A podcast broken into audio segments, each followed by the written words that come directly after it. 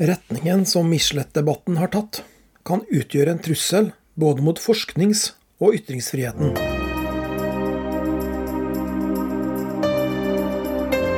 Debatten om norsk krigshistorie bør foregå i mediene, i litteraturen og i akademia, ikke i en rettssal.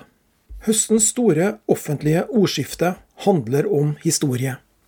Nærmere bestemt om hvordan tidligere tiders historiske hendelser blir presentert i vår egen samtid. Debatten foregår på flere arenaer. På området historisk drama er de suksessrike TV-seriene Atlantic Crossing og eh, The Crown gjenstand for heftig diskusjon. Særlig den første serien, som er laget for NRK, må tåle tøff kritikk for å ha omskrevet viktige historiske hendelser. Mens dramatikere likevel kan ta seg visse friheter, er det noe helt annet med sakprosa. Når vi snakker om rene, forskningsbaserte fremstillinger av virkeligheten, er kravene til etterrettelighet og nøyaktighet helt udiskutable.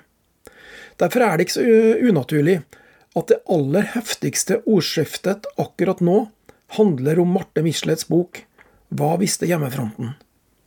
Det er to år siden boken, som analyserer og kritiserer hjemmefrontens behandling av de norske jødene, kom ut. Men denne høsten har Michelets bok fått ny aktualitet fordi den har pådratt seg noe så uvanlig som en motbok. De tre historikerne Bjarte Bruland, Elise Berggren og Mats Tangestuen bruker 300 sider på en systematisk gjennomgang av Michelets bok for å påvise feil og mangler. Motboken, som har den kronglete tittelen 'Rapport fra en gjennomgang av Hva visste hjemmefronten', har også fått de etterlatte etter sentrale motstandsfolk på banen. Ifølge NRK vurderer disse nå et søksmål mot Michelet og hennes forlag Gyldendal. De ønsker å bestride rettslig de opplysningene som kommer frem om deres avdøde familiemedlemmer. Advokat Jon Christian Ellen varsler at han står klar til å føre saken på vegne av familiene. Jeg har lest begge bøkene, både Michelets opprinnelige bok og motboken, og jeg liker faktisk begge to. Marte Michelet fortjener ros for å tørre å ta opp et særdeles viktig, men svært tabubelagt tema.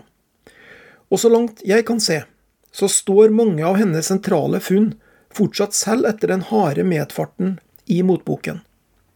Ja, det fantes antisemittiske holdninger blant visse innen hjemmefronten.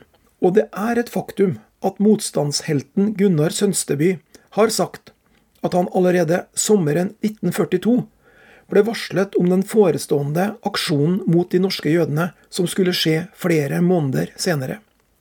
Og selv om de tre motbokforfatterne lanserer en teori om at Sønsteby kunne lide av minneforskyvning, eller at det er usannsynlig at det i det hele tatt eksisterte konkrete planer om en aksjon på det tidspunktet, så klarer heller ikke de å komme opp med uomtvistelige bevis. Spørsmålene om hva hjemmefronten visste, og hvorfor det ikke ble gjort enda mer for å redde de norske jødene, henger fortsatt i luften. Men også motboken er verdifull. Den minner oss om viktigheten av å operere uten skylapper i arbeidet med historiske kilder. Man må la hele kildematerialet tale, ikke bare de delene som stemmer med ens egne foretrukne konklusjoner. Marte Michelet må selvfølgelig stå til ansvar for feil i boken hun har skrevet. Men på samme måte som Michelet kan ha overtolket noe av materialet, så står også de tre motbokforfatterne i fare for å vurdere sine funn i en litt overdreven hjemmefronten-vennlig retning. Det er i hvert fall mitt inntrykk når jeg leser rapport fra en gjennomgang av hva visste hjemmefronten. Slik denne debatten har utviklet seg, er jeg likevel bekymret for hva som kan bli dens resultat på lengre sikt. Jeg reagerer spesielt på truslene om søksmål, innlevert av Norges største kjendisadvokat. I så måte er det bra at Marte Michelet har et stort og ressurssterkt forlag i ryggen. Man kan bare tenke seg hvordan det hadde vært å få en slik storm mot seg, med et svakere grunnlag å stå imot med. Jeg er grunnleggende meget kritisk til at historiedebatt blir et tema som domstolene skal beskjeftige seg med. Heldigvis lever vi ikke i den type politiske system der rettsvesenet brukes til å sensurere historiebøker. Det er ikke en domstols oppgave å opprettholde det som kan ha vært tidligere tiders noe selektive historieskrivning begått av nasjonsbyggende hensyn. En fordomsfri faglig debatt om historiske hendelser hører hjemme i helt andre fora enn foran en dommer med riksvåpenet hengende på veggen og med trusler om svære erstatningskrav som ris bak speilet. Den retningen som Michelet-debatten her har tatt, kan bli en trussel både mot forsknings- og ytringsfriheten. Og så er jeg også redd for at den særdeles harde medfarten Marte Michelet får, skal være med på å legge lokk på det som fortsatt er en viktig debatt om de norske jødenes skjebne under krigen, og om det ble gjort nok for å redde dem.